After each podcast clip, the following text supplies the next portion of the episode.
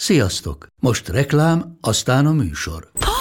Hú, de szép szőnyeg. Új. Igen, tegnap vettem a Diégóban. Ó, és ez a függöny, de szép. Diégó! És hamarosan lesz új laminált padló a hálóban. Rátszakott a bank. Csak regisztráltam Diégó digitális klubkártyát vásárlás előtt. Csináljunk neked is egyet? Csak egy perc és kész. Regisztrálj te is áruházainkban, vagy a diego.hu oldalon, és azonnal megkapod digitális klubkártyádat, melyel akár 30% kedvezménnyel vásárolhatsz padlóburkolati és lakástextil termékeket. Diego.hu Már meg is kaptam e-mailben. Ez reklám volt, jó volt. A mai adást 18 éven aluliaknak nem ajánljuk. Aki tud nemet mondani az ágyba, az a munkahelyén is tud nemet mondani, meg az életében is.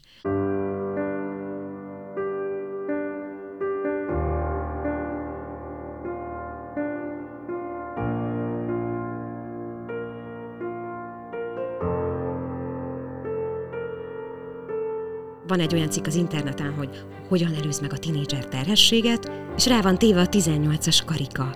Éppen annyi férj van, aki nem akar szexelni, mint feleség. Csak ez is egy óriási tabu téma. Ez egy két éven át tartó, egy ilyen szörnyű dolog volt, és igazából ez egy lelki bántalmazó kapcsolat volt. Nagyon ritkán benne egy-egy pofonnal, például nagyon sokáig nem mertem szoknyát húzni, mert tényleg elhittem, hogy csúnya a lábam. Aztán kiderült, hogy azért nem engedi, hogy szoknyát húzzak, mert basszus, kurva jó a lábam, kap be. A sikert, és ezáltal sajnos a minőséget is többnyire számokban mérjük, pláne napjainkban. Hányan követik? Milyen az elérése? Hány lájkot kapott? Mennyien kattintottak rá? Hányan nézték meg? Mennyi hallgatója volt? Mennyit adott el?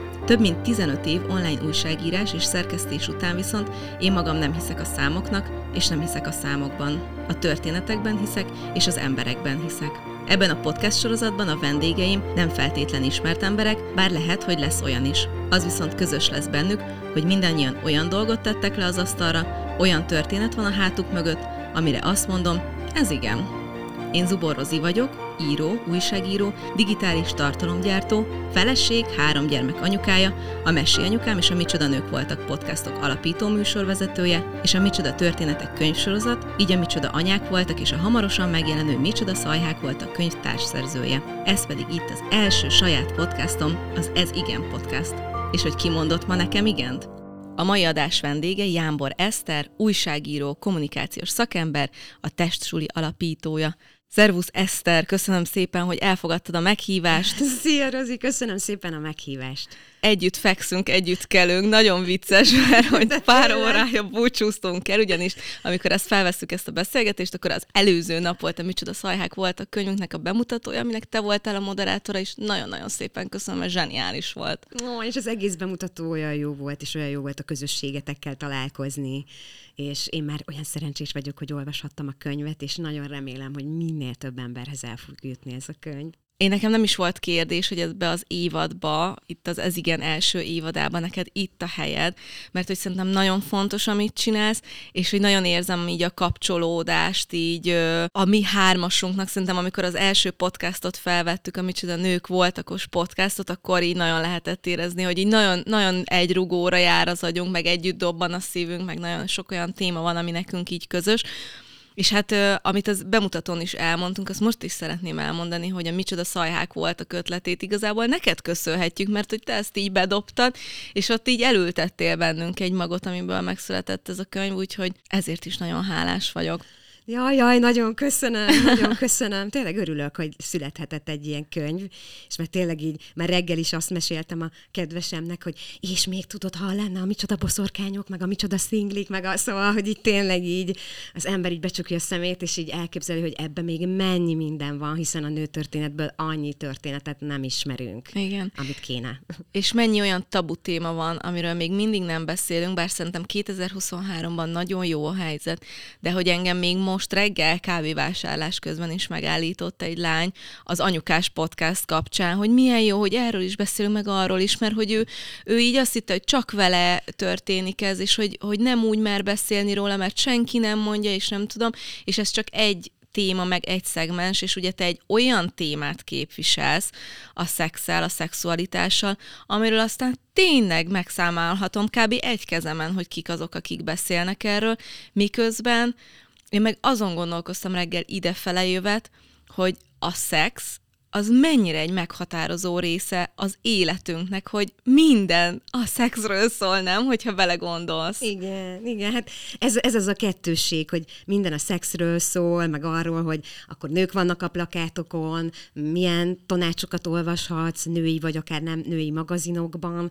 vagy közben meg nagyon sok tévhitet terjesztünk, és nagyon fontos lenne egyébként, hogy nem csak a szexről, hanem nagyon komoly tabu témákról beszélgessünk, akár a gyászról például, nekem ez még egy másik nagy témám, mert hogyha beszélgetnénk ezekről a kínos témákról, akkor nem lenne kínos már egy idő után, és nagyon sok embernek segíthetnénk azzal, hogy ezt a szorongást levesszük, mert én is például a legtöbb kérdés, amit kapok, arról szól, hogy normális vagyok-e, ha ha így vagy úgy nézek ki, normális vagyok-e, ha ezt vagy azt gondolom, normális vagyok-e, ha ezt vagy azt érzem, és igen, és ez a mindenki normális, mindenki normális, csak nem tudunk róla, mert nyilván erről nem szokás beszélni, és ezzel szerintem így magára hagyjuk a, az utánunk lévő generációkat. Tehát olyan információkat nem adunk át ezzel, ami életminőségjavulást okoz, vagy akár most ilyen nagy szavakat használok, de akár életet menthet. Mert hogyha mondjuk nem tudod, hogy hogyan ne legyél nemi beteg, vagy hogyan előz meg egy nem kívánt terhességet, akkor azért az elég rendesen megváltoztatja az életedet. Szóval, hogy itt, amikor a szexualitásról beszélünk, akkor, akkor az egészségünkről is beszélünk, de ah, na majd, majd kitérhetünk még erre, de, de abba hagyom, mert erről tényleg éveket tudnék beszélni. Ki is fogunk térni rá, és annyi minden jut ezzel az egésszel kapcsolatban eszembe, hogy például az, hogy valószínűleg ezt a podcastot majd az elején be kell mondanom, hogy 18 éven aluliek nem hallgathatják, mert hogy valószínűleg fogunk olyan szavakat használni, vagy olyan témákról beszélgetni, amit hivatalosan nem hallhat egy 18 éven aluli gyerek pedig. Pont ezen a podcast felvételen, amikről beszélek, mondtad te nekem, hogy hát nem akarsz nagyon rám ijeszteni, de hogy a 11 éves gyerekek átlagosan már látnak pornót, és hogy már a szüzességüket se 13-4 évesen veszítik el, és hogy az én legnagyobb gyerekem mindjárt 9 éves lesz, és hogy ez nagyon durva. És hogy az egésznek a felelőssége, meg a fontossága, hogy beszélnünk kell a felnőttekkel, mert hogy a felnőtteket is látjuk, hogy ők se tudnak a szexről beszélni, csomó mindent nem tudnak, de közben ott van a nyomunkban a soron következő generáció, és hogy hogy én mindjárt abba az élethelyzetbe lépek bele, hogy beszélnem kell a gyerekemnek a szexről. Én annyira örülök, hogy ezt mondod, mert néha érzem azt nyilván, amikor szülőkkel beszélek, hogy, hogy, hogy mindig úgy érzik a szülők, ugye én nem vagyok szülő, ezért ezt nem tudom, én, én büszke nagynéni vagyok, és hogy, hogy, hogy amikor ezekkel a statisztikai adatokkal jövök, hogy már 8-9 éves, amikor elkezdtem a testsulit, akkor még a 11-12-13, tehát ugye négy éven belül is már egyre megy lejjebb, uh-huh. és, hogy, és hogy olyan rosszul érzem magam, amikor szülőkkel beszélek, beszélgetek, mert minden szülő úgy érzi, hogy ez az ő gyerekére nem vonatkozik. Hát ez az ő kicsi, aranyos gyereke, hogy nézne ilyen tartalmat. Nem tudok arról, hogy látott ilyen tartalmat, de közben tudod, rögtön bekapcsolt bennem az, hogy én még nem készültem fel, még nem olvastam el azt a 15 cikket az internetről, hogy hogyan mondjam el, hogy hogyan beszéljek a szexről a gyerekemnek, illetve nekem sincs erre mintám, mert hogy szintén reggel ez jutott eszembe idefele jövet, hogy nekem egyik szülőm se beszélt a szexről velem, hogy az micsoda, hogy kell csinálni, hanem a kislányok nagy kézikönyve. Igen, igen, igen. Ez, Ilyenekből olvastam, és így föl, föl, fölírtam magamnak pár ilyen címszót ezzel kapcsolatban, ami így tök megvan, hogy, hogy kb. így erre emlékszem a szexel kapcsolatban, hogy hogy szűzhártya átszakadás, hogy az első szex fájni fog, és hogy a lányok megjátszák az orgazmust. Nekem ez az első... történetet hallottál az egészről igen, tulajdonképpen. Igen, és akkor hogy... én már alapból így mentem neki.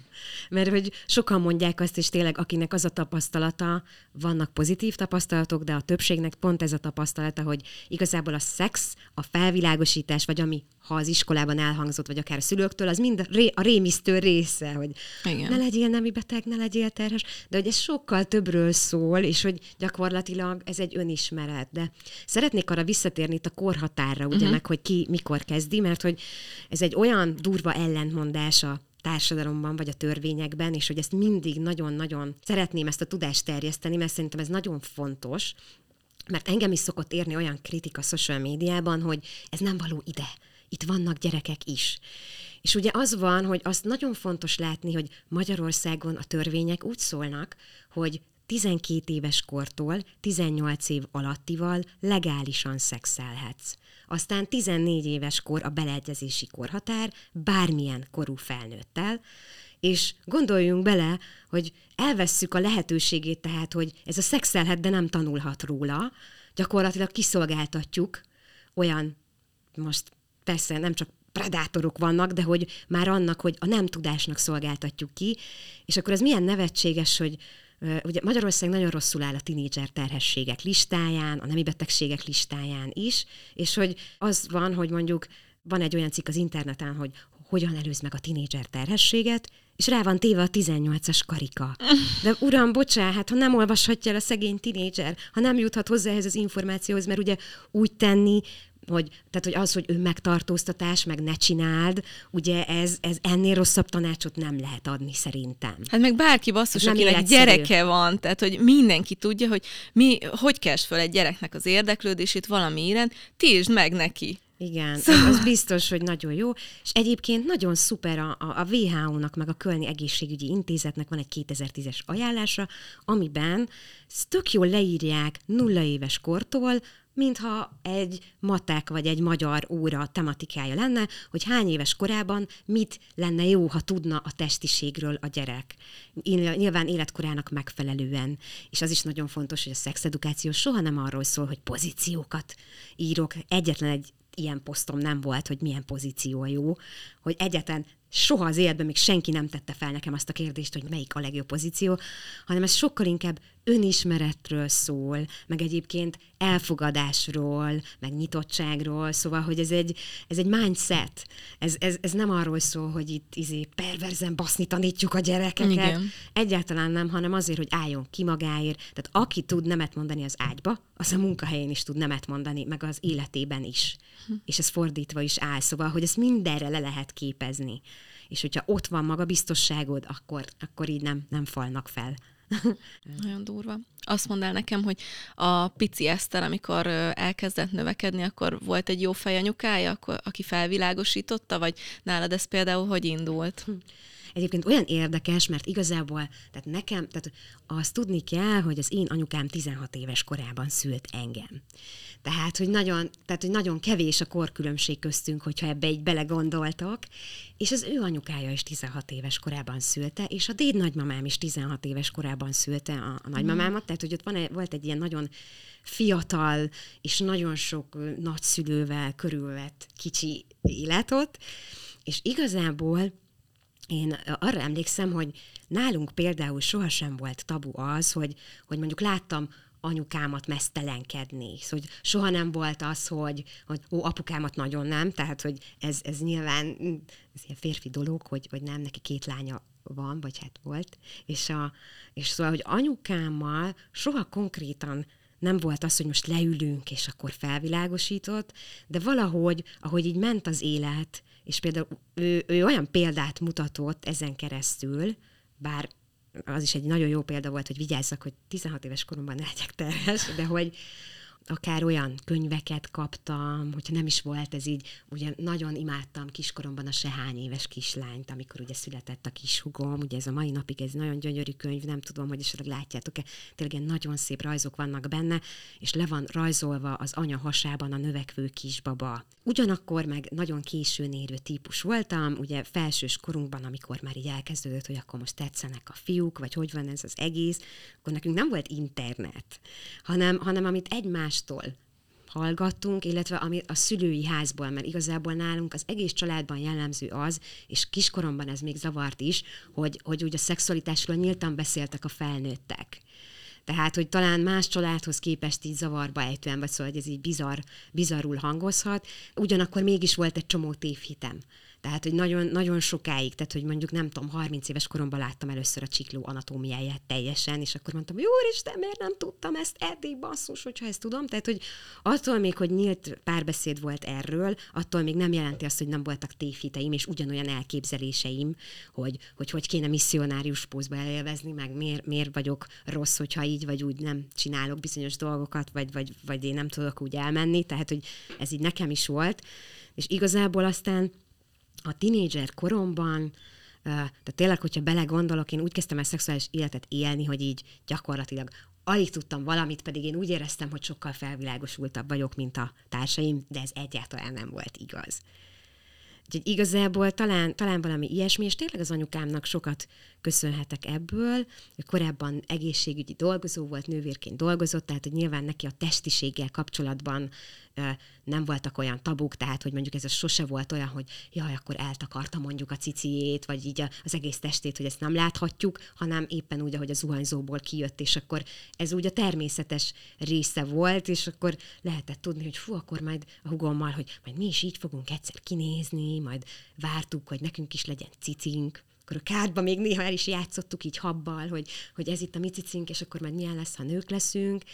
És igazából én tényleg én így viszonylag későn is kezdtem el a többiekhez képest menstruálni, én már mindenki csókolózott az osztályban, legalábbis úgy tudom, én így nyolcadikas koromban csókolóztam először, de igazából csak azért, mert, mert azt akartam, hogy ne legyen ciki, hogy ne menjek úgy középiskolába, hogy még nem csókolóztam, és akkor emlékszem is, hogy ilyen nagyon ciki volt, ilyen hideg volt az egész, meg olyan nyálas, és akkor így, fú, így, így féltem, hogy a nagymamám, a, a, ez a házunk előtt volt, és féltem, hogy a, a nagymamánk majd mindjárt kinéz, és meglátja, hogy én itt csókolózok, és hogy valójában azért ez undorító, szóval, hogy én nem, nem jött meg az az érzés, hanem, hanem, hanem, tehát úgy éreztem, hogy amit gyakoroltam a szobámban, a plakáton, a plakátfiúkkal, az egyáltalán nem olyan a valóságban. ez, ez olyan jó, hogy mondod, mert hogy én nekem is pont ugyanez az első csókolózós élményem, hogy emlékszem, hogy még órákkal később is így éreztem, hogy valami ott még maradt. Az nem a tenyár, hogy, hogy és, és emlékszem, még így gondolkodtam is, meg én nagyon óriási naplóíró voltam, és akkor így elképzeltem azt, hogy, hogy majd akkor nekem így lesz pasim, akivel majd ilyen dolgokat fogok csinálni, és akkor az majd jó lesz nekem, mert hogy azt mondják, hogy ez, ez jó lesz, és hogy, és hogy ezt így kell, és, és olyan vicces volt, amikor ezeket így visszaolvastam, hogy, hogy milyen kis cukinnai van, tényleg így azt képzeltem, hogy, hogy hát, hogy ez azért kicsit mindig olyan weird, hogy, hogy úgy, úgy valakivel úgy összetenni a dolgaidat, meg úgy. Aztán, aztán középiskolás koromban az erőteljesen megváltozott. Tehát a hormonok elintézték, megadták a válaszokat. És akkor anyukád arra figyelt, vagy arra az volt egy ilyen fő topik, hogy ott a 16 éves születésnapodat ne kerekedő pocakkal ünnepeljétek. Igen, igen, igen, igen, igen. Úgyhogy ez, ez szerencsére tervezete jól sikerült, igen. De akkor ilyen szempontból tényleg te egy jó, jó segítséget kaptál, mert hogy akkor felvilágosítottak arról, hogy akkor mit, hogy mint, illetve a védekezésről is, ami ugye ma se nagyon történik meg, igen. szóval... Igen, igen, szóval, hogy ez nagyon, tehát, hogy Például én tegnap is kaptam pont, tehát néha vannak olyan korszakok, amikor ugyanabban a témában kapok sok embertől levelet, és nem tudom, hogy ez mitől van, vagy minek a hatására, de hogy például tegnap is csomó olyan levelet kaptam, kettő-hármat, ami ugyanarról a témáról szólt, hogy fiatal lányok aggódtak azon, de ha, ha hogy terhesek lehetnek-e, akkor is, hogyha minden rendben ment szerintük, hogy ez a nem szakadt ki a gumi, megjött a menstruációm, de mégis lehet-e valami, amit esetleg nem tudunk, és mégis írjam meg, hogy, de írjam meg, hogy ugye nem lehet így terhes. Direkt ezért is csináltuk azt a nemi betegség kiskönyvet, mert hogy annyi félreértés van, és annyi tévhit, amit csak újra és újra ismételni tudok, és hogy ezért csinálom egyébként ezt az egészet, hogy amiket mondjuk én átéltem, vagy tévhitnek gondoltam, meg egyáltalán, de majd erről beszélek, tehát hogy én bántalmazó kapcsolatban is éltem, és hogy, és hogy én szeretném, hogy ez másokkal így ne történjen meg, és szeretném, és hogy ez csak, ez csak az információ átadása. Hogy ezért örülök, hogy ilyen, ilyen, ilyen nyitott és, és érdeklődő és megosztó közösség lett a tessuli, mert amikor elkezdtem, én soha se gondoltam, hogy tényleg ez lesz belőle. Én szerettem volna, hogy úgy legyen, és ez másokat is érdekeljen, de igazából én akkor jöttem rá, amikor letörölt az Insta, hogy ez rajtam kívül másokat is érdekel. Szóval akkor kaptam erre egy olyan választ, hogy jó, ez, ez, ez tényleg olyan, hogy, hogy ez az információ, ez, ez mindenkinek szüksége lenne rá, és ah, na, Na, nem is tudom, mit akartam mondani, csak tényleg most kicsit úgy meghatódtam a tessulin, mert ritkán szoktam így ezt átgondolni, vagy ezt az utat, hogy hogy, hogy, hogy jött is, vagy hogy jött ez az egész. Hihetetlenül fontos, már csak azért is, mert hogy egy olyan világban élünk, ahol igazából az információk ott vannak. Rengeteg információhoz férhetünk hozzá. 60 évvel ezelőtt, de még 50 évvel ezelőtt is egy fiatal lány tényleg a, ezekhez a könyvekhez nyúlhatott, meg ö, esetleg, hogyha nem dolgozott benne a szégyenérzet, meg a félelem, akkor megkérdezett valakit, és akkor tudod, ez olyan, ugyanolyan, mint a gyereknevelésnél, hogy mint mond a szomszéd, meg a testvérem, meg az anyukám, meg a barátnőm, mind, mindenki más mond róla, éppen kinek mi a jó. De hogy most meg az van, hogy felmegy egy 14 éves az internetre, és beírja ezt a kérdést, és a gyakori kérdések kidobja, ami teli van trollabbnál trollabbal, és egyébként tök értem a félelmüket, mert el tudom képzelni, hogy erre a kérdésre a gyakori kérdések.hu kapnak olyan választ, hogy hát én úgy lettem terhes, hogy, mert Na, mindig van egy ilyen, hogy nem akarlak megijeszteni, de én, én, én velem történt, vagy hallottam olyat, hogy valakivel az történt, hogy Én egyébként ezeket a kommenteket leszoktam szedni. Uh-huh. Tehát amikor úgy érzem, hogy ez már káros, tehát hogy például a TikTokon volt egy olyan videó, aminek az volt a lényege, hogy egyébként Magyarországnak a tök nagy része megszakításos közösüléssel védekezik, és csak erről csináltam egy videót, hogy ennek milyen rizikói vannak, és hogy ez nem.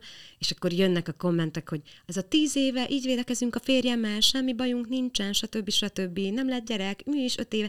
És akkor írom, hogy oké, okay, tök jó, te egy házasságban élsz, de most ez, ez nem lesz jó a tizenéveseknek, akik látják ezt a te példádat, nem azért csinálom ezt a posztot, hanem pont azért, hogy ezt ne csinálják, mert attól még, hogy te esetleg nem estél teherbe, Köszönjük szépen, nem tudjuk, hogy vagy-e nemi beteg, most bocs, attól még, hogy férjed van, lehettek mind a ketten azok úgy, hogy nem is tudtok róla, és nem azért, mert senki se ribanc, hanem azért, mert akkor is lehetsz nemi beteg, ha egész életed során egyetlen egy szexuális partnered volt, ez nem ettől függ.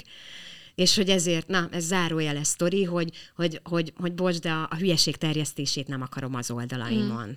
A véleményt azt lehet, de hogyha arról szól, hogy oktatod a fiatalokat arra, hogy hülyeséget csináljanak, akkor azt így le fogom szedni. Nagyon fontos, tényleg nagyon fontos ezt csinálni, mert nagyon, nagyon nehezen találják meg a megfelelő választ az ő kérdéseikre. És hát majd fogunk beszélni arról, hogy egyébként mondjuk iskola szinten milyen felvilágosítás van, mert én is emlékszem, hogy amikor gyerek voltam, és volt talán egyetlen egy felvilágosítási óránk, és végig rihegtük, röhögtük, és úgysem mertük föltenni azokat a kérdéseket, mert, a, mert akkor Vagy nem is ciki- tudtuk, hogy milyen kérdést kell feltenni, vagy legalábbis én voltam egy ilyen naivságban, hogy én nagyjából annyit tudtam, hogy a valami bemegy, és akkor ott gyerek lesz, és akkor az valahogy jó, de például felsős koromban még úgy találkoztam a szexualitással, hogy az iskola közel volt a déd nagymamámhoz, és mindig a déd nagymamámhoz mentem ebédelni suli után.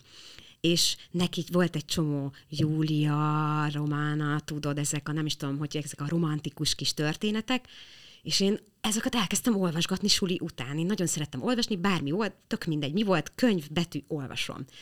És akkor titokban így elkezdtem a dédnagymamámnak ezeket a Júliáit olvasni, és akkor ott így egyszerűen abból próbáltam a romantikus kapcsolatokat így a fejemben így összeállítani, és nem állt össze a kép. És hogy le volt írva a szex része, és le volt írva, hogy a férfi elélvezett, és akkor én arra gondoltam, mert hogy valahogy a nőnél soha nem úgy volt leírva, hogy a nő elélvezett, hogy arra gondoltam, hogy ez elélvezés, ez valami olyan dolog, amit ezek az állat férfiak csinálnak. És hogy ez valami, ű, ez valami nagyon fura lehet, mert ugye konkrétan nem volt oda leírva, meg ugye nem is értettem. Hm. És akkor ezekből próbáltam kitalálni, hogy, hogy most akkor így, hogy is kéne akkor szexuálisan viselkedni, meg egyáltalán, és ezek így nagyon rosszat tettek annyiból, hogy valójában a szexről nem tanítanak semmit, és egy ilyen kamu érzelmi kapcsolatot, vagy szóval, hogy olyat állítanak be. Nekem egy kicsit olyan, bár ezzel most nem leszek népszerű, mint a szürke 50 árnyalata, hogy szerintem az iszonyú káros, és iszonyú nagy tévhiteket erősítő dolog, és még csak nem is feltétlenül szexuálisan, hanem egyszerűen ott az érzelmi részét én azt így nem értem, hogy, hogy miért lett világhírű, de, de ez már egy másik dolog. Ja. Én a, nekem az jutott eszembe most, hogy amikor én gyerek voltam, akkor nálunk úgy volt, nagyon kicsi lakásba laktunk, és a szüleimnek az ágyának a végébe feküdtem, és akkor tudod, akkor még nem volt ez ilyen téma, hogy most egy gyerek mit nézhet ott, akkor szerintem még nem is voltak ilyen karikák a filmek. Hát meg nem is tudom, hát volt egy-két csatorna, szóval nem is volt ilyen Igen. választék, meg emlékszem, szerintem biztos, hogy gyerekkorunkban nem voltak karikák. Nem, nem voltak karikák, és akkor csomószor volt olyan, hogy tudod, voltak ezek a 90-es években ezek a klasszik romantikus filmek, amikben mindegyikben volt kb. egy ilyen másfél perces, egy perces szex jelenet, és hogy így tudod, nekem például ezek voltak az első ilyen emlékeim, hogy akkor jön a pár, dur bele, izé, másfél perc az egész. Igen. Úgy szárazon, ruhástul, Igen. fölkapja, és ennyi. És mindig jó, és mindig egyszer élveznek el. A védekezésről soha nem kell beszélni, ugye mindig szavak nélkül megértik egymást, tehát, hogy így sugároz valami olyat, Most már szerencsére egyébként a fiataloknak szerintem tök szerencséje van, mert itt a streaming világban van egy csomó olyan sorozat szerintem, ami reálisan mutatja be.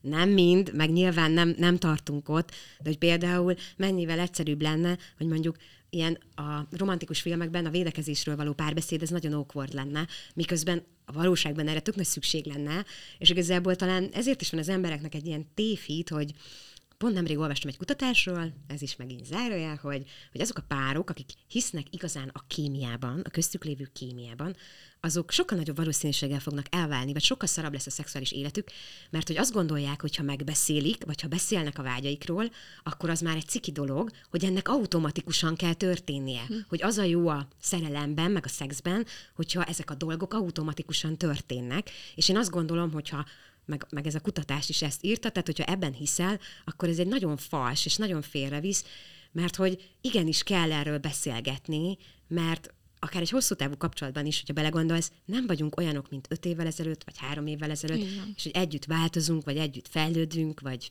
vagy együtt romlunk, bármi lehet, de hogy, de hogy az őszinte kommunikáció, hogyha hiányzik, mert hogy csomóan cikinek érzik erről mm. beszélni, mert hogy működjön ez magától. Ja. Meg hát ezt szerette, ez jó, eddig jó volt. Igen. Tehát, hogy tényleg. Tehát, Meg hogy... hát a tévében is úgy van, hogy látjuk, hogy összegyűrik a lepedőt közösen, látjuk, hogy misszionárius pózba hátrafekszik a nő, szegény. A csikló szóba se kerülhet, mert ugye az már pornó lenne, bár ott is csak azt látjuk, hogyha leköpik, vagy megpaskolják, na mindegy, ja. és hogy így, hogy így a, hogy így a realitások, hogy így igen, meg bizonyára kényelmetlen, vagy akkor most behozhatok egy olyat is, hogy igen, nem, hogy nem szeretnek gumit húzni, akkor nem fogják beleírni a romantikus filmbe, hanem hogy legyen ez egy ilyen.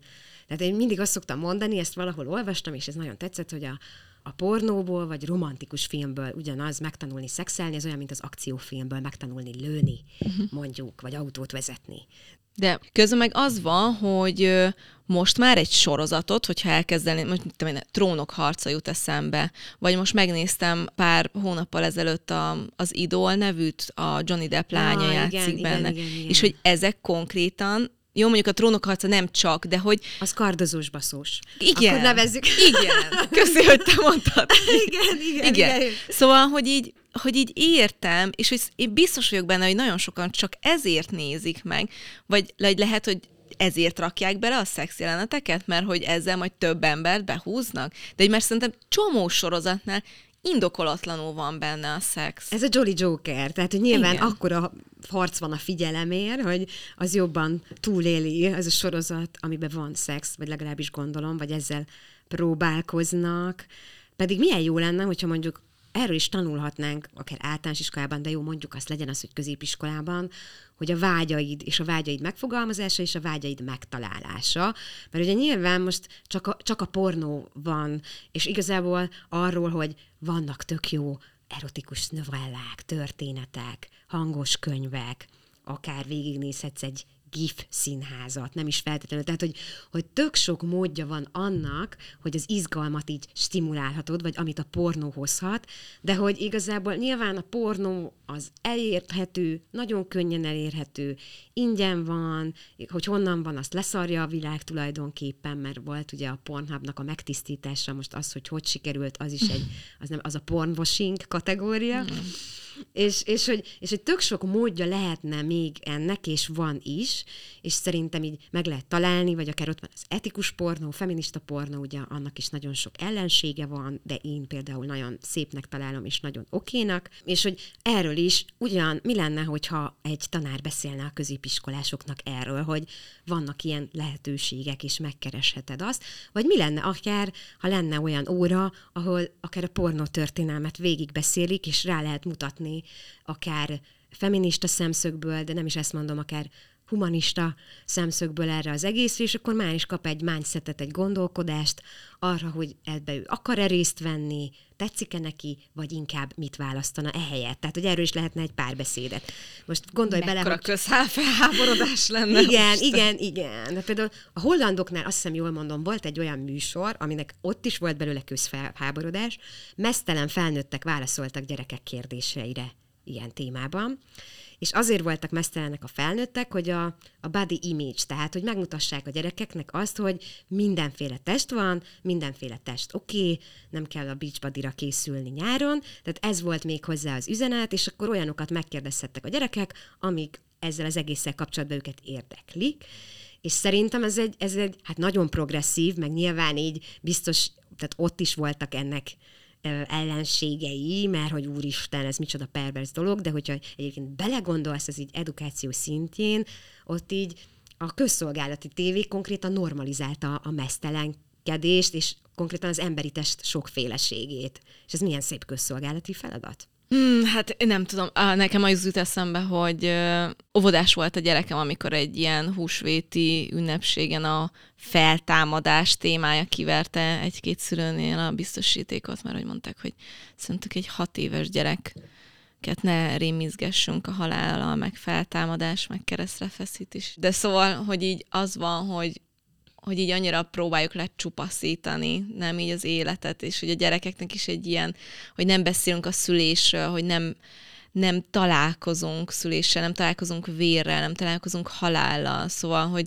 Igen, a... és a gyászolókat is hogy magára hagyja ez a társadalom, Igen. hogy észre se veszi. Igen, abszolút, szóval, hogy lépjél túl rajta, dolgozd föl, az élet megy az tovább. Idő, majd az idő, mindig, amikor ezzel jönnek, és hogy mindig úgy érzem, hogy, hogy ez, nem, szóval, igen, tehát hogyha lenne, ha tudnék, hogyha lenne belőlem egy klón, mm. akkor biztos, hogy ez a gyászkommunikáció lenne a másik, amivel, amikor, amivel foglalkoznék sokat, mert... Egy rövid reklám reklám, és már is folytatjuk a műsort. Minden út egy utazás, és mi a Mazdánál arra törekszünk, hogy annak minden pillanata tökéletes legyen.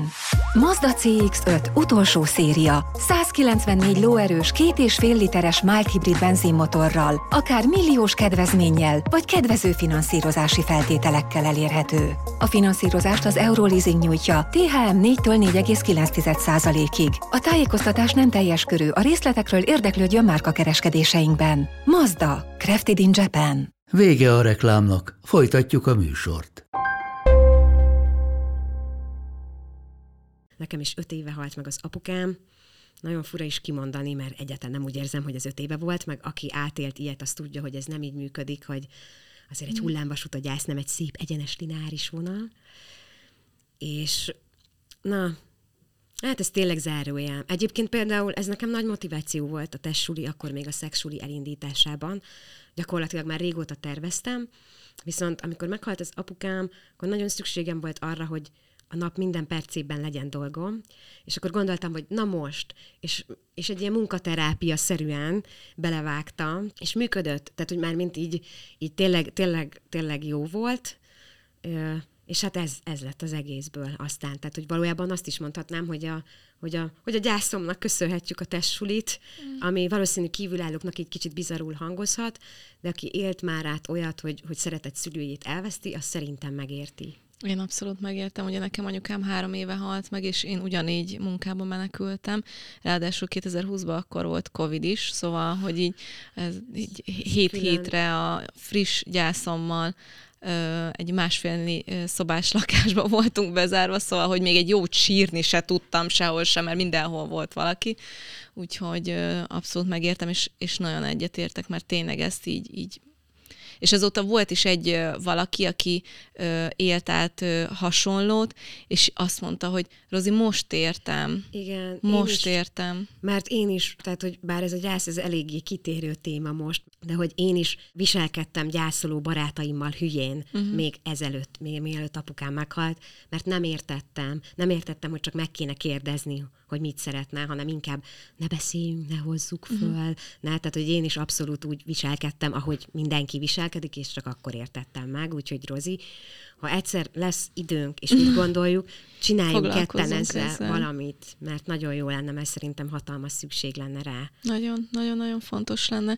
És nem csak felnőtt, de ugyanez gyerek szempontból is, mert Pontosan. hogy érted, nekem is két gyerekem veszítette el a nagymamáját. Igen. Szóval, hogy és, és ez nekik is utána a hetekig, hónapokig, akkor a ma- mamit föl lehet hívni, a mennyországban van ott telefon, szóval, hogy ez, és ez egyébként, me- megint csak erre tudok visszatérni, tök hasonló, mint a szex, hogy, hogy így mi se tudunk felnőttként ezzel mit kezdeni, de már szeretnénk segíteni közben a gyerekeinknek is. Igen. Úgyhogy de visszakerülve Igen. hozzád, azt mondd el nekem, hogy a középiskolában aktív szexuális életet élő, vagy, vagy hogy, hogy fogalmazzam ezt?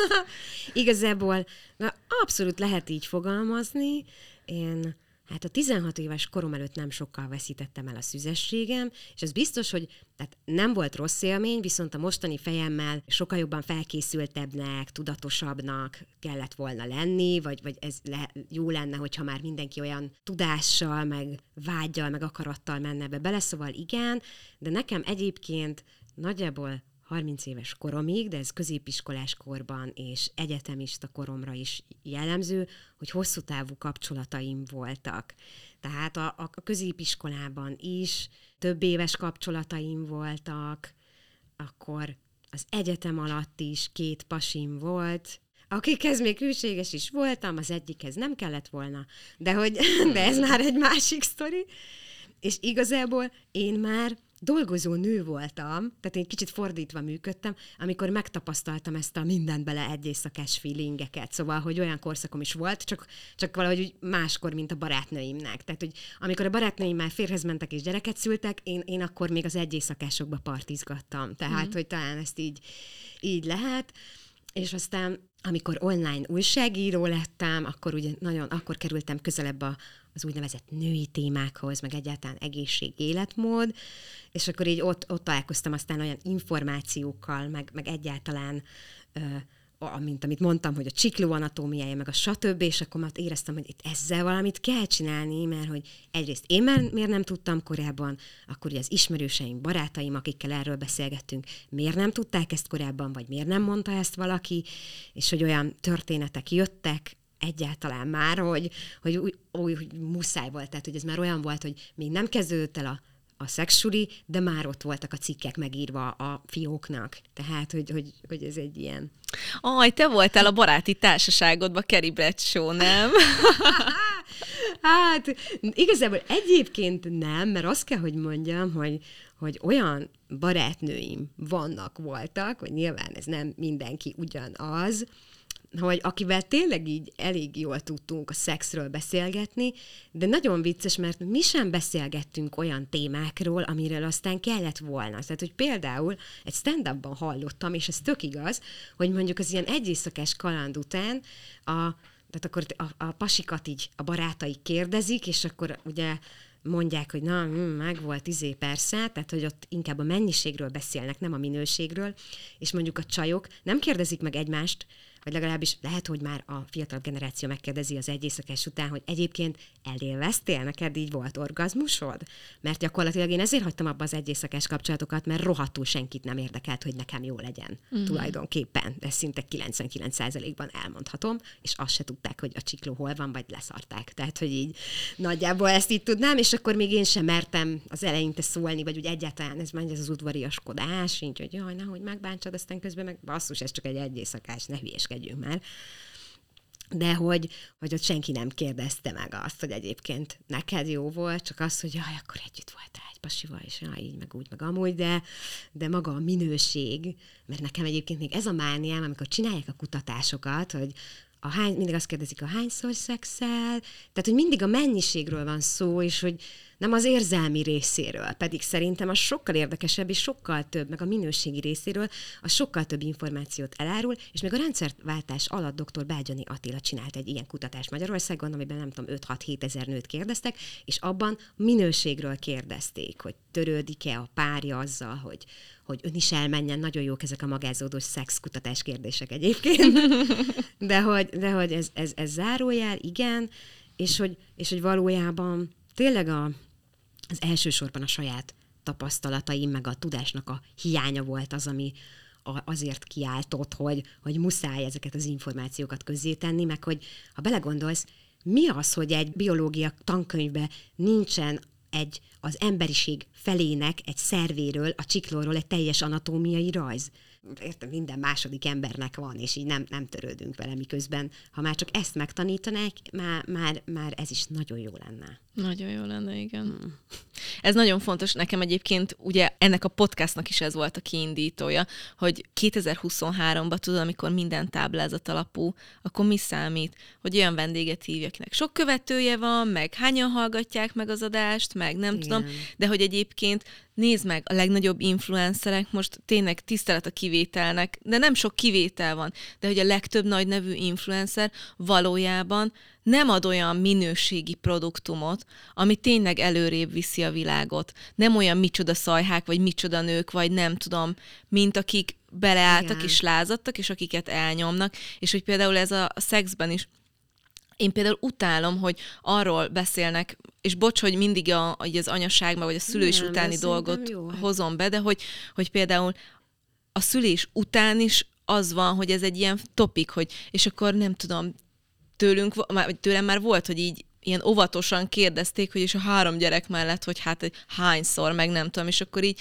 az van egyébként, hogy nem tudom, egyrészt nem számolom, mert van csomó más dolog, amit számolni miért kell. számít? Igen. Másrészt meg nem az számít. Azt miért nem kérdezitek meg, hogy miben változott? Mert hogy arra tök szívesen elmondanám, hogy képzeljétek el, lehet, hogy van három gyerekünk, és kevesebbet szexelünk, mint amikor nem volt, de olyan jókat szexelünk. Na, igen. Mert hogy tök sok olyan változás ment végbe a szervezetembe, hogy sokkal jobb lett, és mi is, érted, mindjárt 14 éve vagyunk együtt, és csiszolódunk, és beszélünk róla, és értünk, és, és olvastunk utána, és mi is máshogy állunk a saját testünkhöz is, a másikhoz is, és azt mondom, hogy köszönöm szépen, 14 év után három gyerekkel sokkal minőségibeket szexelek a férjemmel, mint valaha. És És, és erről beszélgessünk. Jaj, de jó ezt hallani, egyrészt, másrészt meg igen, tehát abszolút igazad van. Én nemrég volt egy olyan poszt, ami arról szól, hogy miért ne kérdezd meg a partneredet, hogy előtte hány, hány emberrel volt dolga. És akkor ott elindult erről egy párbeszéd, mert volt, volt, aki tök átérezte, meg egyáltalán, de volt, aki, hogy ugyan már, hogy így legalább akkor le tudod szűrni, hogy milyen tapasztalt. Hm. És mondtam, hogy nem, egyáltalán nem tudod leszűrni, mert attól még, hogy megdugod száz nőt, kérdezzük meg, hogy hánynak volt jó. Fú, na, szóval most nagyon elkalandoztam, bocsi. Nem, az tök jó volt, amit a férjeddel kapcsolatban mondtál, mert szerintem ez tök jó példa, mert nagyon sokan szoronganak azon, hogy nem elégszer csináljuk. Tehát ez egy abszolút állandó szorongás tárgya, miközben meg hülyeség, mert, mert nem, nem attól lesz kurva jó, hogyha heti háromszor csinálod szarul. Tehát, Igen, csak közben meg tudod, ebbe benne van az is, hogy mit tanultunk meg.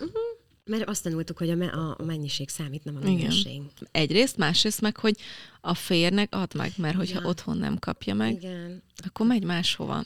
Igen. És akkor egyébként ez is kapcsolódik így a tegnapi ö, könyvbemutatós példához, hogy, hogy érted, a végén meg basszus, te jössz ki rosszul, hogy, hogyha a férjed megcsal, Igen. akkor azért is te vagy a hibás, I- mert igen. otthon nem kapta meg elégszer. Igen, igen. Tehát, hogy Köszi. a passzív, hogy ez még mindig benne van, ez a női passzivitás. Igen. igen. Igen, és hogy nagyon sokszor mennek bele ebbe.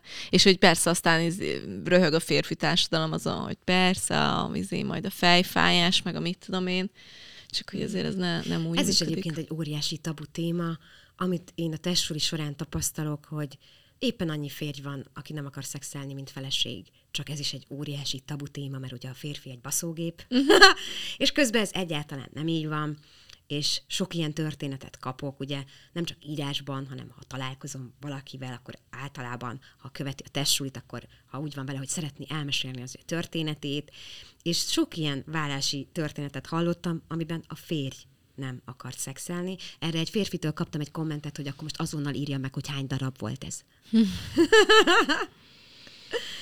De hogy mondtam, hogy nem erről van szó, meg hogy egyáltalán, hogy ezt így mindig szeretem is elmondani, mert nagyon fontos, hogy, hogy a testsúli az mindenkinek szól, nem csak nőknek, nem csak férfiaknak, mert a szexualitás az így ember és ember között történik. vagy akár önmagaddal történik, uh-huh. az is egy lehetőség, és hogy, és hogy most teljesen mindegy, meg hogy azt gondolom, hogy szerintem az nagyon jó, hogyha a nemek egymásról is tanulhatnak, hiszen Na, úgyhogy még csak ennyit, ennyit akartam hozzátenni. Tök jó.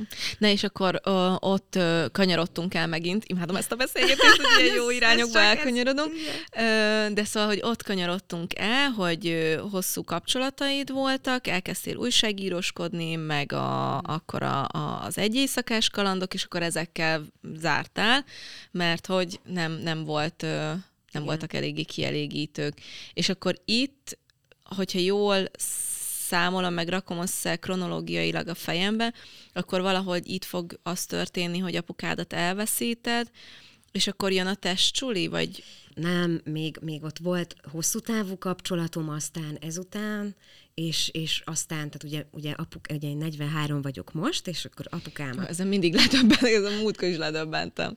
Ja, Tízes nagyon. letagadhatnál legalább. Jaj, nagyon jól esik, bár ugye igazából, hogyha igazán feminista lennék, akkor azt mondanám, hogy de Léci, tedd hozzá azt is, hogy okos vagyok, nem csak szép. Így és van. Ez a szegény unokogomat szoktam ezzel nyomasztani, amikor így megdicsérik a külalakját, hogy de itt nekünk a szellemünk is fontos, nem? Hát azért vagy itt. Lehet a külalak is. Na igen, de hogy köszi.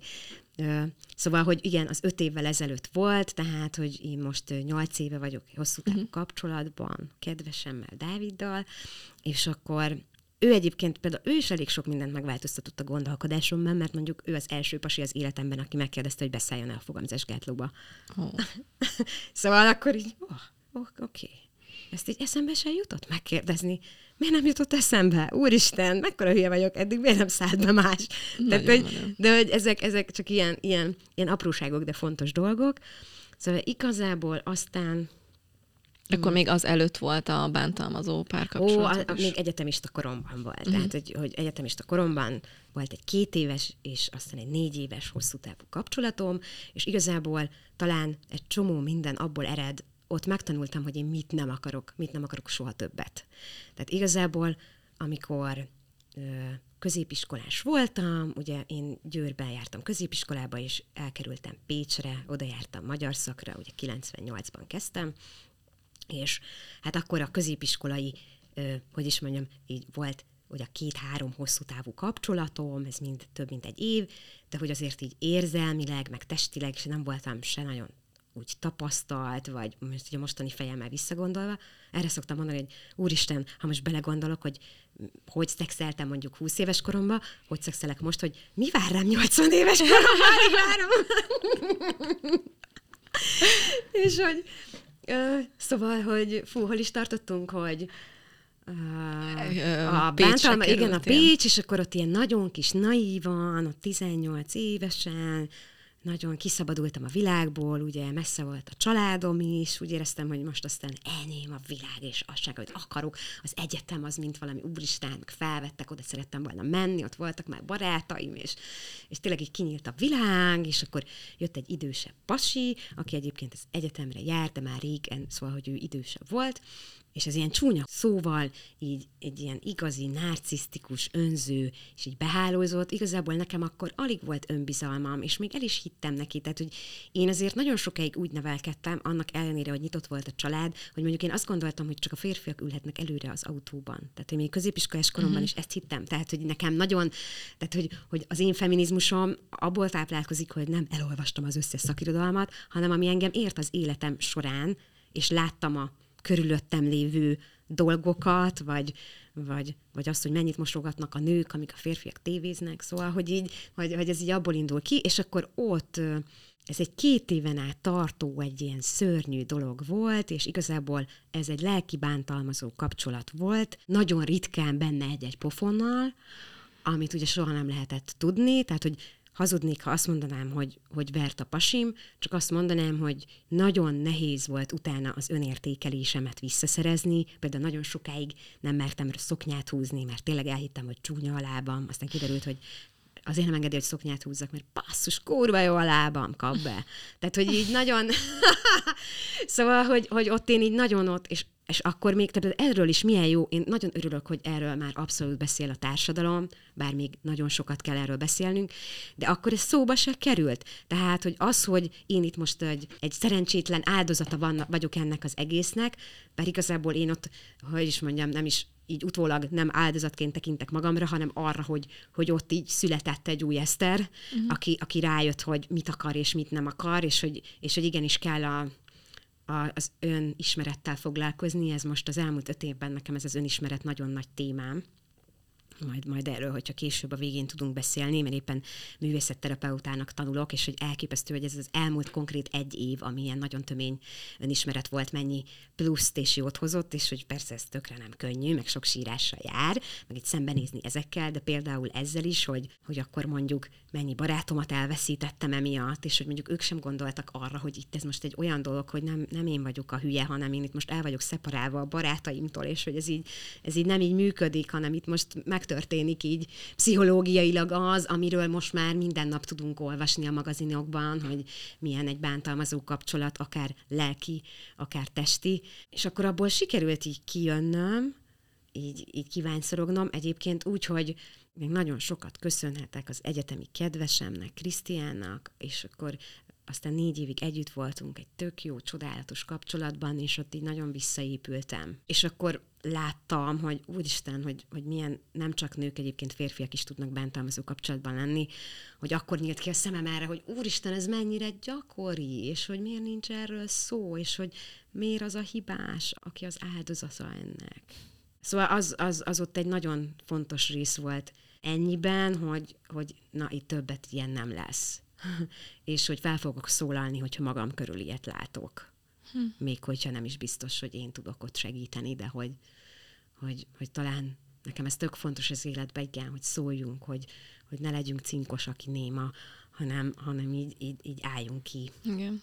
Ha megtehetjük, vagy még ha úgy gondoljuk, hogy nem tehetjük meg, de akkor is álljunk ki. De ez tök jó, hogy annak ellenére, hogy ilyen fiatalon kellett ezt megtapasztalnod, és hogy, hogy tényleg, amikor az ember kezdő ebben, amikor tanulod a másikat, meg tanulod magadat is, hogy hogy kell párkapcsolatban, és tök jó, hogy nem belesüppettél, hanem ki tudtál lépni, és mi az szerencse, hogy utána egy olyan férfi jött, aki nem még jobban beletaposott a mocsárba, hanem azt mondta, hogy ezt lehet máshogy is. Igen.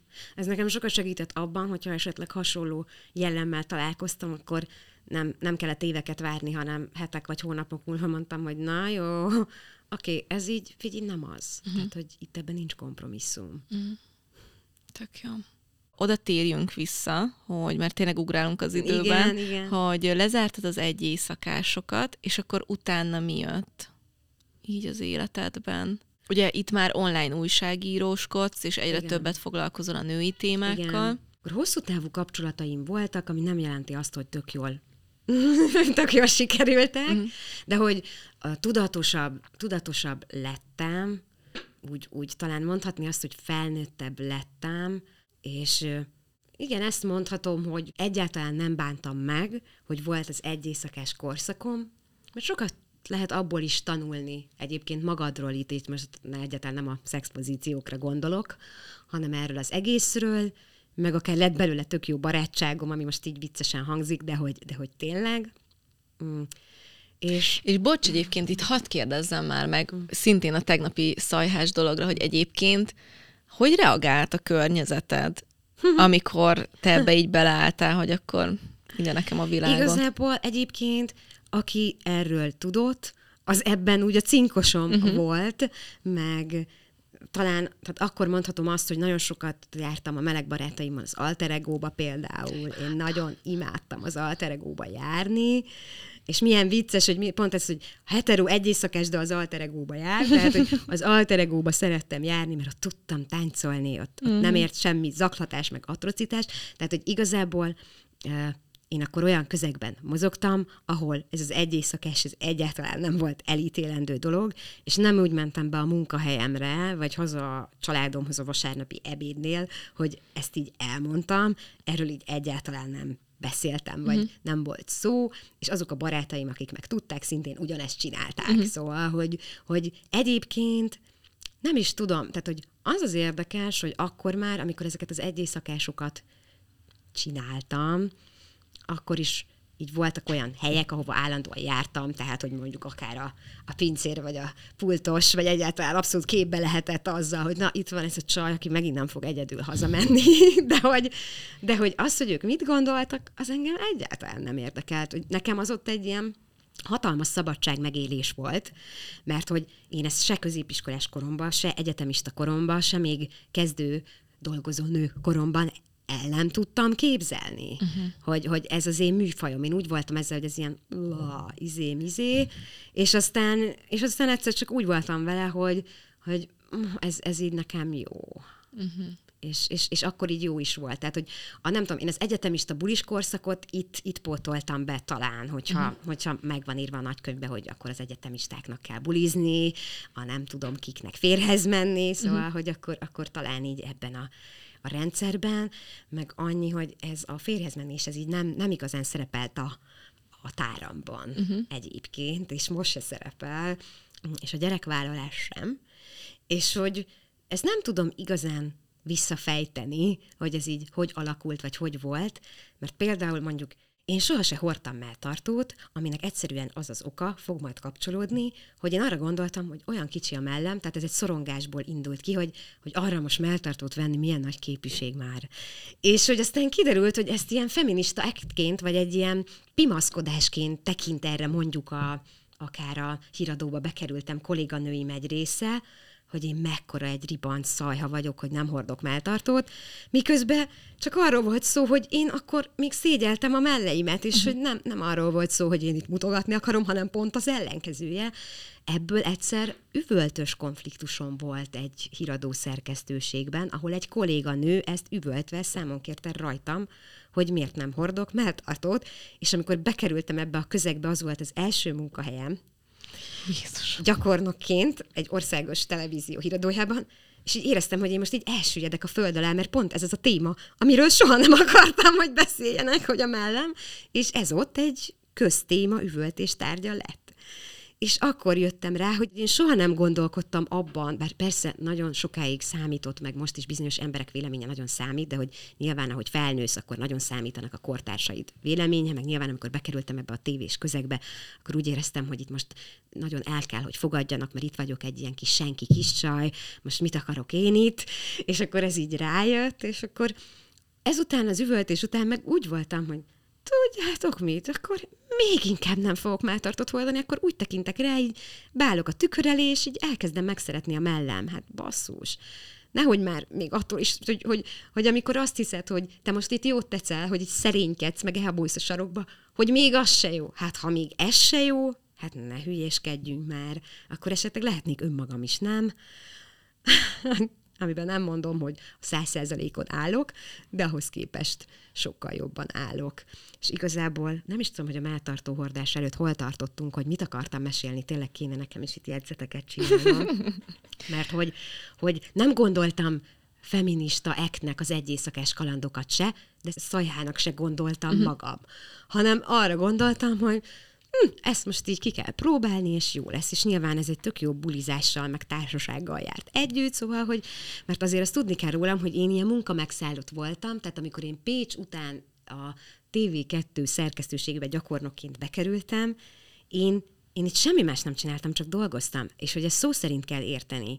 Nagyon messze laktam a Róna utcától, hajnalban felkeltem, bementem dolgozni, ott voltam hétig, nyolcig, hiszen ugye a híradó tovább tart, néha lehet, hogy kicsit korábban eljöttem, hazamentem, vacsoráztam, konkrétan lefeküdtem aludni, és aztán másnap bementem dolgozni, és nekem eszembe se jutott az, hogy itt így elmehetnék bulizni, vagy elmehetnék moziba, vagy találkozhatnék egy barátommal, hogy én ilyen nagyon durván megszállott voltam ezzel a munkával kapcsolatban, és hónapokon keresztül ezt csináltam. És egyszer egy boltban összefutottam egy egyetemista társammal, és mondta, hogy te, megyünk bulizni, nem jössz?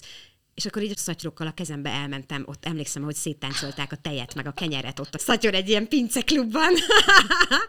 és onnantól, na mindegy, jött az átkattintás, hogy Eszter, nem kell megszállni, tehát hogy így lehet ezt máshogy is csinálni. Tehát, hogy azért nekem vannak ilyen mániás korszakok az életemben, de most már jobban tudom kezelni. És azt mond már, mert hogy erre, ezt muszáj vagyok, hogy megkérdezzem, hogy a szex, mint olyan, neked ilyen központi dolog volt?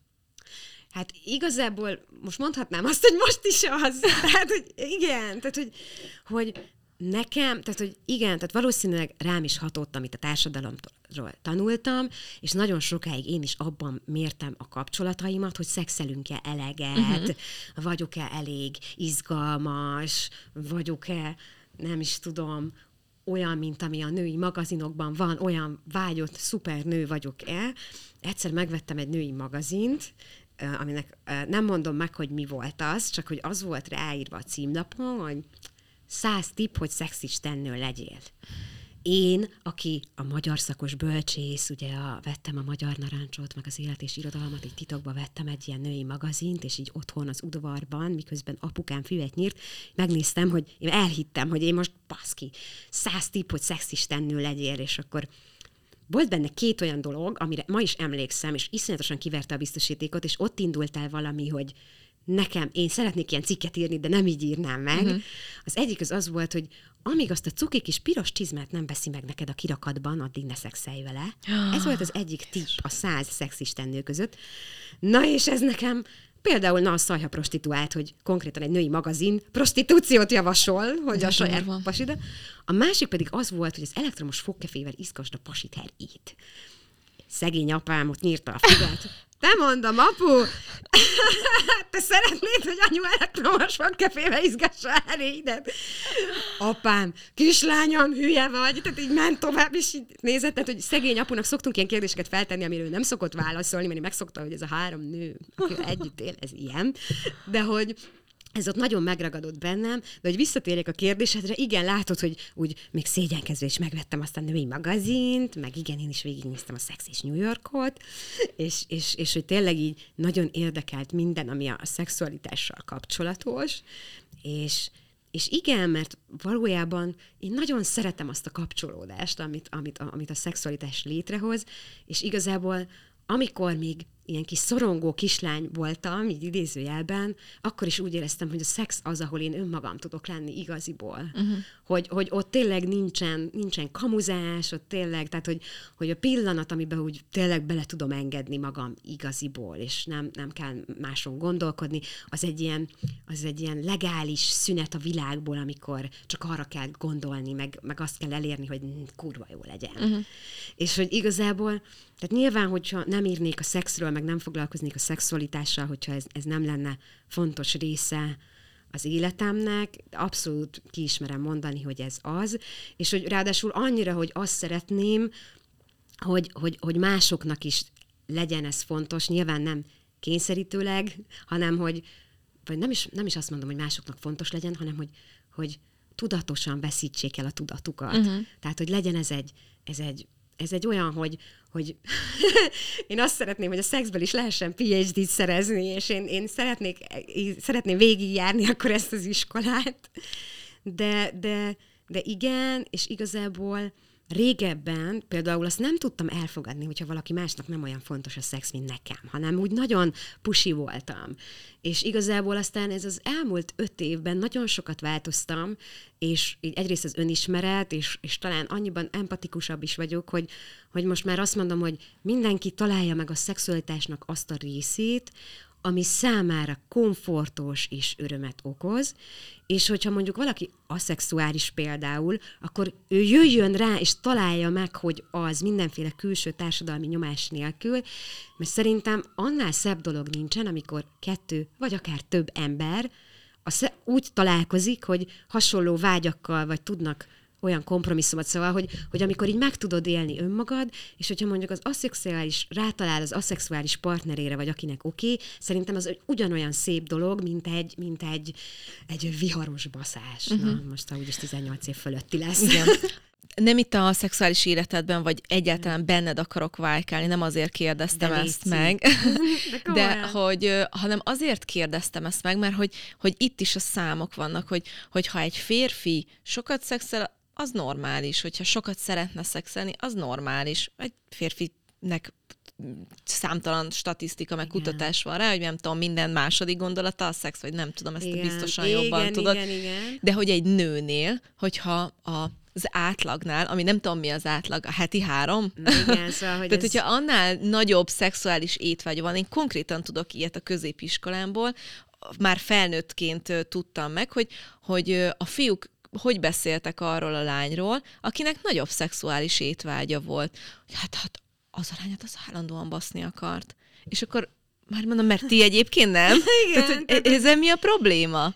És hogy egyébként tök furcsa, vagy tök érdekes, hogy így a, ugye a micsoda szajháknál is, hogy, hogy ugye évezredek óta abba vagyunk, hogy kétfajta nő van. A született családanya, aki, hát onnantól érted, a gyerekek nem tudom, hogy hogy Madonna. csinálunk, igen, szóval, hogy így érted. Tehát onnantól, hogy mi szülünk, hogy gyerekkel a kezedbe te láthatatlan vagy, Érted?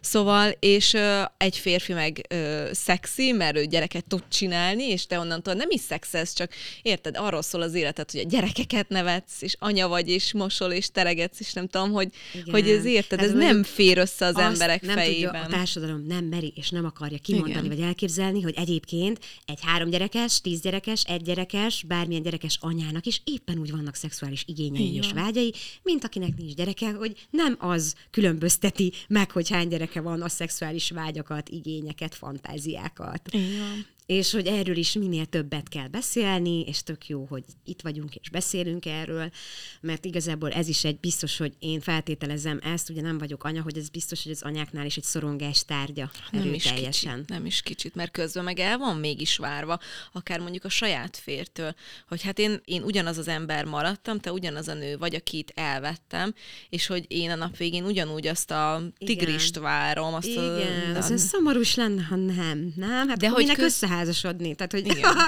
hogy akkor, de igen, tehát de engem ért olyan az egy éjszakások alatt, szerencsére nem sokszor, hogy volt olyan pasi, aki szeretett volna kapcsolatot, és amikor én azt nem akartam, akkor lettem kurva. Tehát, hogy így, bocsi, senki nem mondta, hogy, tehát, hogy, hogy olyan érdekes, hogy én így nem írtam ki magamra, de nyilvánvalóan így nem azzal mész az egy éjszakás kapcsolatba, hogy te férjet akarsz, de hogyha ezt ki is fejezed, akkor, akkor az már nagyon felháborító. Igen. De hogyha egy férfi csinálja, mm. hát a férfiak már csak ilyenek. Na, nem egyszerű téma, de azért akartam ezt kicsit, mert hogy egyébként meg tudom, hogy nagyon sok mindenkiben ez van, és hogy, hogy erre is ilyen szégyen érzettel gondolunk még mindig, és hogy nem. Tehát, hogy ez teljesen normális, hogyha egy nőnek olyan szexuális étvágya van, mint egy férfinak. Több, mint Sőt, heti háromszor igen, kívánja. Tehát, hogy, igen, tehát hogy nem is tudjuk, tehát hogy én, én, én azt mondom, hogy itt a nők és a férfiak szexuális vágyának aránya az így nagyon szerintem egyenlően eloszlik, és tényleg így nagyon nehezen tudja a társadalom azt elfogadni, hogyha egy férfi nem akar szexelni, vagy annyit szexelni. Miközben ez így itt van, csak a, a férfiaknak is ugye, ha azt bevallják, vagy erről beszélnének, akkor így csorbulna az úgynevezett elméleti férfiasságuk. Annyira örülök ennek a beszélgetésnek, mert olyan jó egy kicsit kiszakadni, és tényleg örülök a személyes kérdésnek is, hiszen hogy lennék hiteles, ha saját magamról nem beszélnék, bár én mindig azt szoktam mondani, hogy én nem csak az én szexuális életemről szeretnék beszélni, én mindenkiéről. hogy ez így igazságos. Tehát, hogy az én saját példáimat, bár mostanában kevesebbet hozom fel, mert hogyha kapok levelet, szóval, hogy mindig szeretek példákból kiindulni, de hogy nagyon jó, amikor például olyan visszajelzést kapok, hogy egy-egy poszt miatt kezdett el akár egy testvérpár a szexualitásról beszélgetni. Nem csak, itt nem csak arról van szó, hogy a partnerek kezdenek egymás között a szexualitásról beszélgetni, hanem így az olyan megható levél volt, amikor írta, hogy jó, ez volt ez a poszt, és így átküldtem a hugomnak, és még sose beszéltünk a hugommal erről, és kiderül, hogy vannak ugyanolyan dolgaink, vagy szorongásaink, vagy nehézségeink, vagy ő már megoldott valamit, amit én, én elakadtam, és hogy, és hogy igazából milyen jó, hogy, hogy, hogy erről így lehet úgy is beszélni, szerintem, hogy nem, nem bulvár szinten. Nekem az, ez, ez egy nagy küldetésem volt, hogy a szexualitásról vegyük már le a bulvárt, uh-huh. hogy ne csak a bulvár magazinok írjanak a szexről, vagy ne csak női téma legyen. miatt. Hát, hát igen, hát igen. Mert egyébként csak amiatt írnak meg, a bulvárok. Meg, meg, igen, meg nyilván az meg egy másik, hogy, hogy, hogy a címadások, meg, de nyilván ezt már én így, próbálkozom már, hogy a mainstream médiának ugye nagyon nagy felelőssége van, uh-huh.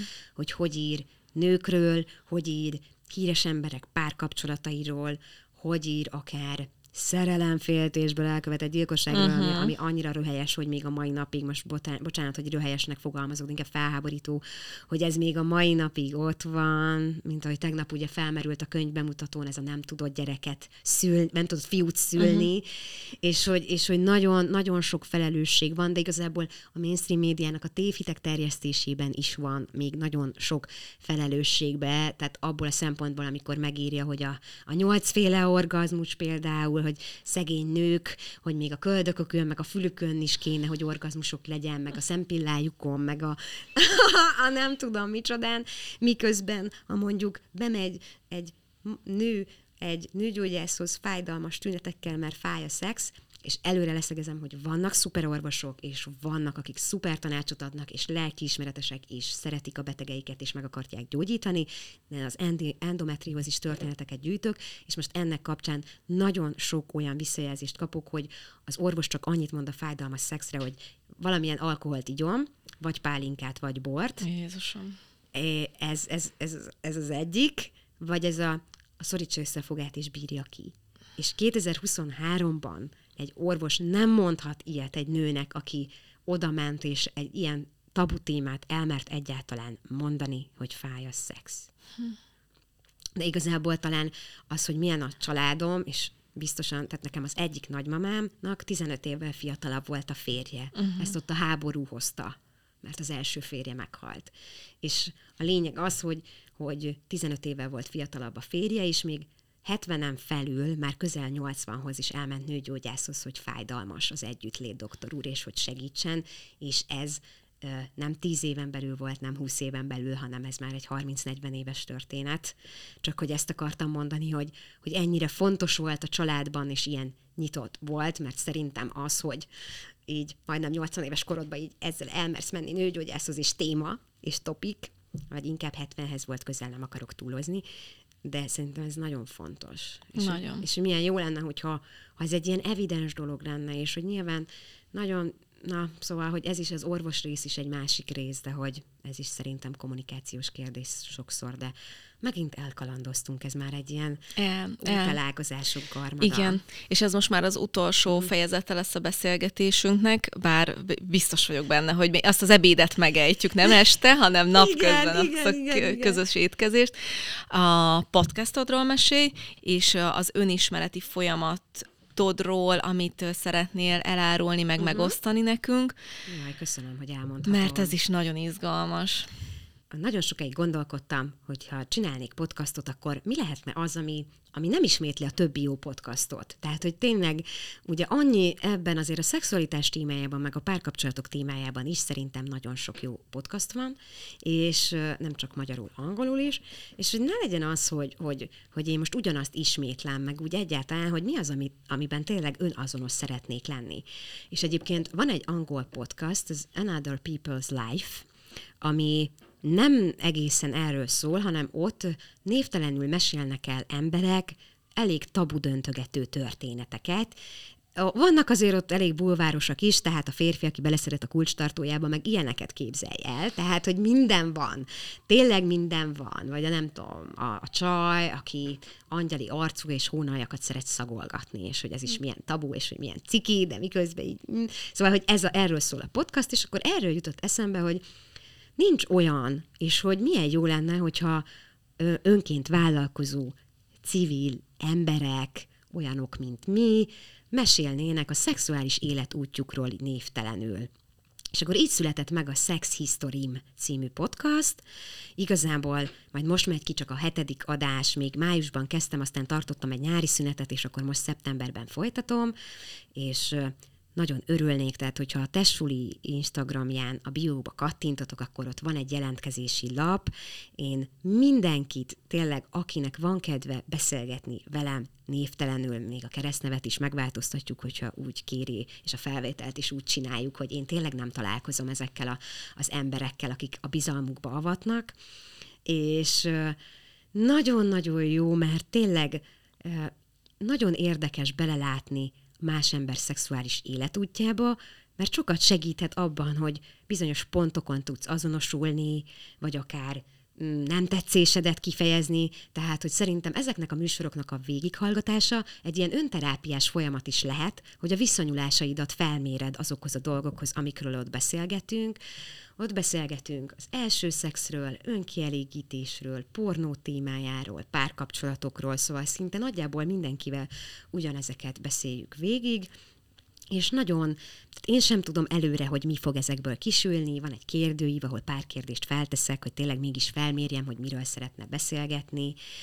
és, és nagyon érdekes dolgok azok, hogy elmegy tehát valaki az utcán, és eszedbe se jutna róla olyan, hogy micsoda mély dolgokat él át, vagy, vagy akár az nagyon felkavaró volt, amikor valaki beszámolt arról, hogy őt megerőszakolták fiatal korában, valószínűleg begginázták, és hogy azóta sem, tehát akkor ő lett a ribanc. Ugye megint visszatérünk uh-huh. ehhez a beszélgetéshez, mert ő amúgy is szerette az egyészekes kapcsolatokat, és úgy vették, hogy ő be van rúgva, és azért viszi ki a férfi eszméletlenül a, a szórakozó helyről, ez a 70-es évek Magyarország, de hogy nagyon jó, vagy például nagyon, tehát nem is, nem is tudom kiemelni az összes történetet, de nagyon jó, a, kaptam egy visszajelzést, az egyik ö, beszélgető partnerem az 50 pluszos Tamás, aki művész közegben dolgozik, és a meleg életútját mesélte el a rendszerváltás előttől egészen mostanáig, és van olyan, aki például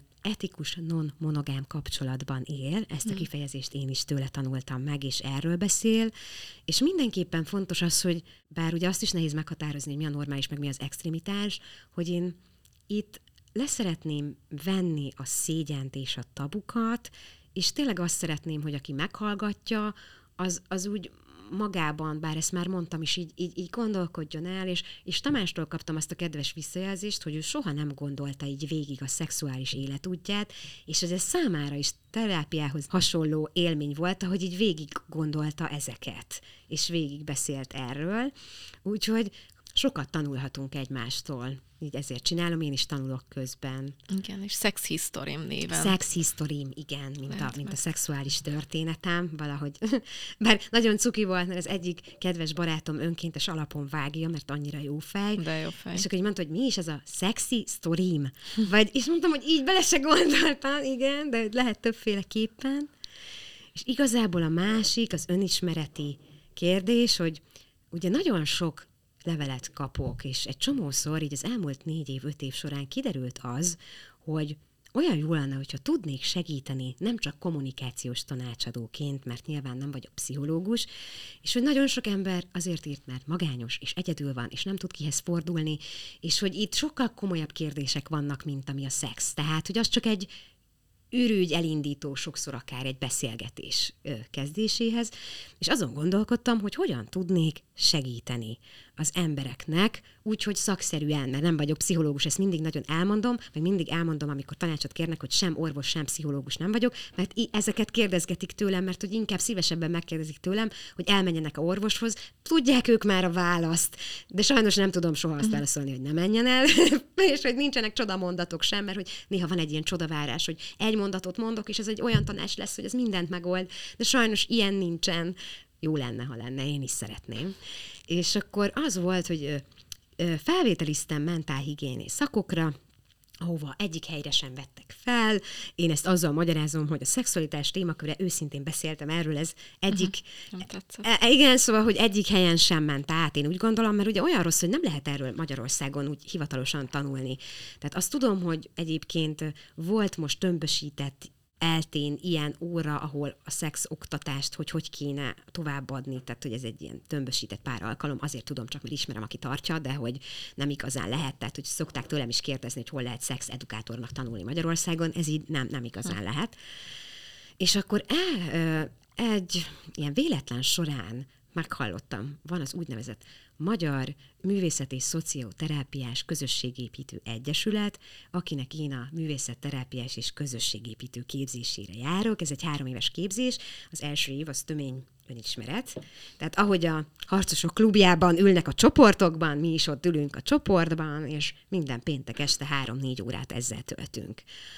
Ez a, ez a második évem és ezért hoztam be a művészetterápiát, mert arra gondoltam, ez egy nagyon jó módszer arra, hogy az alkotás közben is nem kell hozzá Frida Kalónak lenni, ezt mindig hangsúlyozom, hogy egyáltalán ott a kollázsolás, festés, mozgás, éneklés, zenélés, anélkül, hogy tudnál énekelni és zenélni, és most ez így hülye hangzik, de tényleg működik, hogy a testeddel kapcsolatban, tehát ez egy olyan, hogy anélkül tudnak kijönni dolgok, hogy konkrétan így face-to-face valakinek a szemébe kéne mondanod. Tehát, hogy a testünkkel kapcsolatban nagyon jó a művészetterápia, mert úgy úgy sutyiban működik. Tehát, hogy ez egy egész más jellegű, és hogy a csoportnak olyan erejét tapasztaltam meg a csoportterápiának. Én voltam sokat egyéni terápiában, de nekem nem jött be annyira, mint ez a csoportélmény. Hmm. Mert én sose gondoltam azt, hogy vad idegen emberek előtt én a családommal, vagy bármilyen kapcsolatomat, ilyen nagyon intim dolgaimat, itt most érzelmi intim dolgokra gondolok, megosztom, és hogy ez olyan szinten működik, hogy nekem az első, ez az elmúlt egy évem, amit minden péntek este egy csoporttal töltöttem, az valami fantasztikus volt. És hogy most már nyilván így, így amennyi sírás és röhögés és, és rájövés és minden van, és például így az anyukámmal való kapcsolatot ez a csoport nagyon szépen rendezte, és nagyon ott volt nekünk egy ilyen rossz időszakunk apukám halála után pár évvel, hogy nem, nem tudtuk, máshogy gyászoltunk, és ezt nem tudtuk összeegyeztetni, és, és aztán ez a csoport nekem csodálatosan helyre tette is, és ezért most Pár hete tartottuk meg az első csoportot, ugye én még képzésben lévő művészetterapeutaként és Takács Dalmával, aki szintén itt végzett, ő is újságíró és művészetterapeuta. A bőr, amelyben élek, ez volt a csoport címe, és fogjuk mindenképpen folytatni. Egyébként egy női szexshopban tartottuk, ami izgultunk, hogy milyen, hogy lesz, és nagyon jól jött ki, szóval, hogy nagyon passzolt az egészhez. Úgyhogy köszi szépen, hogy erről beszélhettem, mert erről még nem igazán beszéltem, csak a posztokban lehetett látni, és most tervezek is egy feliratkozási csatornát, ahol testszorongásokkal és művészetterápiás műszerekkel, tehát hogy ez, ez lesz a legújabb a, a testsulin, mert sokat gondolkodtam, hogy én szeretném, hogy az edukáció ingyen mindenkihez továbbra is eljusson, hiszen ennek az a lényege, viszont ezt gondoltam ki, hogy a feliratkozási csatornámon indítok egy, egy ilyen művészetterápiás testszorongás, test önismereti, megszeretési csatornát a feliratkozóknak, majd meglátjuk, hogy, hogy ez hogy sikerül, de én nagyon-nagyon várom, és alig várom már, hogy közösen hajtogassunk puncét. Nagyon jó. Figyelj, Eszter, iszonyatosan fontos, amit csinálsz, és hogy tényleg így elmondod, hogy ingyenes, és neked minden, minden dolog, amit adsz ingyenes, és ugye ez most már gyakorlatilag neked főállásod lesz, és uh, már én is hívtalak meg kávézni, mert hogy van egy ilyen lehetőség, hogy meg lehet téged hívni kávézni, lehet téged támogatni. Uh, ezt elmondod, hogy hol, milyen platformon lehet a te munkásságodat legalább egy kávé árával támogatni? Nagyon-nagyon szépen köszönöm, és mielőtt elmondom, nagyon köszönöm azoknak, akik már eddig is támogattak. Van néhány állandó támogatóm, amitől itt teljesen el vagyok ájulva, hogy mennyire kedvesek, és hogy mennyire nagy segítség ez nekem.